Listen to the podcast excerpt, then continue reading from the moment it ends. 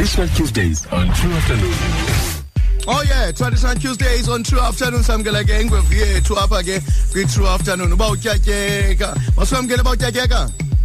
mandibulele mandibulele lusi ndibulisa abaphulaphuli Mankosi xhego lam siyavuka ukubamba ke eh ngexesha linzima kangaka eMzantsi Afrika eh campaign ephethweyo ke 16 days of activism. Silo kuxhatshaza komama nabantwana bawutyatyeka. Sifuna uqonda ke eh namhlanje ngosixhosa xa umfazi exhatshazwa umyeni wakhe yeyiphi indawo afaka kuyo mhlawumbe isikhalazo sakhe apha kwifamily.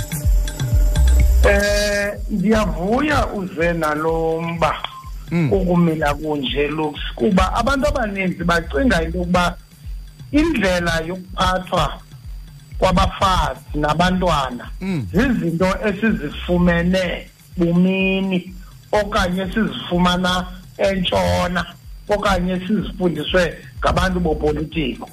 Kanti kwakudala sasinazo iinkundla zethu apho imicimbi enjalo yayisingathwa khona. Eh okokuqala ke umfazi xa esenda emzini akendeli ndodeni yakhe wendela emzini. Ukutsho oko sinelungelo sonke singabantu belo khaya apha kulo mfazi yiyo nale nto xa ethiywa igama umfazi athiywe igama eliza kwenza into yokuba masifikelele sonke ngokulinganayo kuthi ndizangothi ke xa ndisenza umzekelo ndithi ngelaa xesha benisathandana engekabi ngomfazi wasemaphileni ubuzawuthi xa umbiza switi Mm. kodwa uzawuthi akwenda kuthiwe mhlawumbi ngunovenda No Benz. wonke ke ngoku umntu welo khaya uzawubiza elo gama likanovenda into ethe uba ngumfazi wethu sonke akho mntu uzawuphinda athi ngoku xa embiza athi switi Okay. okwesibini ke inkundla yokuqala yomfazi kulapha emzinakhe xa indoda inezinto noko ezinebatha ezenzayo indlela yokumphatha umele into yokuba amangale apha kumazala wakhe okanye uba kakho kutatazala okanye kubhuti. That is umntaku wendoda yakhe. Okay. aba bantu ke bazawubiza intlanganiso yekhaya.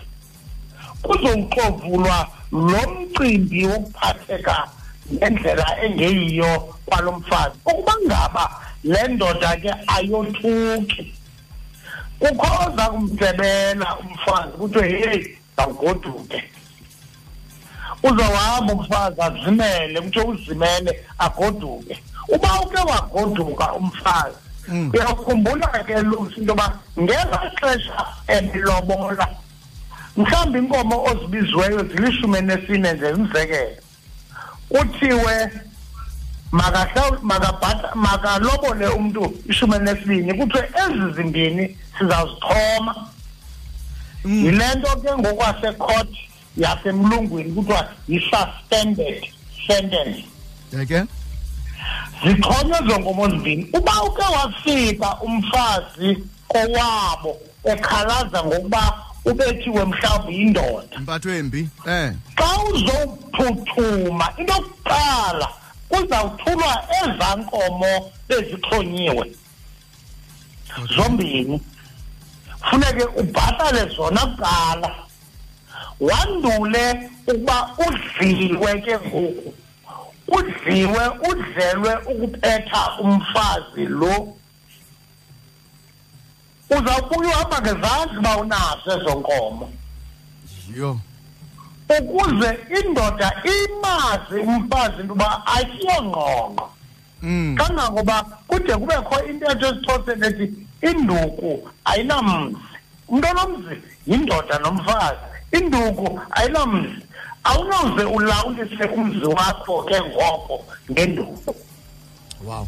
Sukuvile bawutyatyeka eh ngoba ke ndiyacinga uba yonke le ngcaciso osinika yona iphendule imibuzo yonke bendinayo ndibuza into yoba ingaba Oh. iye- iye yenziweni indoda ekufunyaniseka ukuba iphatha kuba inkosikazi. Yayo so iphendule uba iyadliwa eh Iyadliwa. in- indoda yenze loo nto leyo.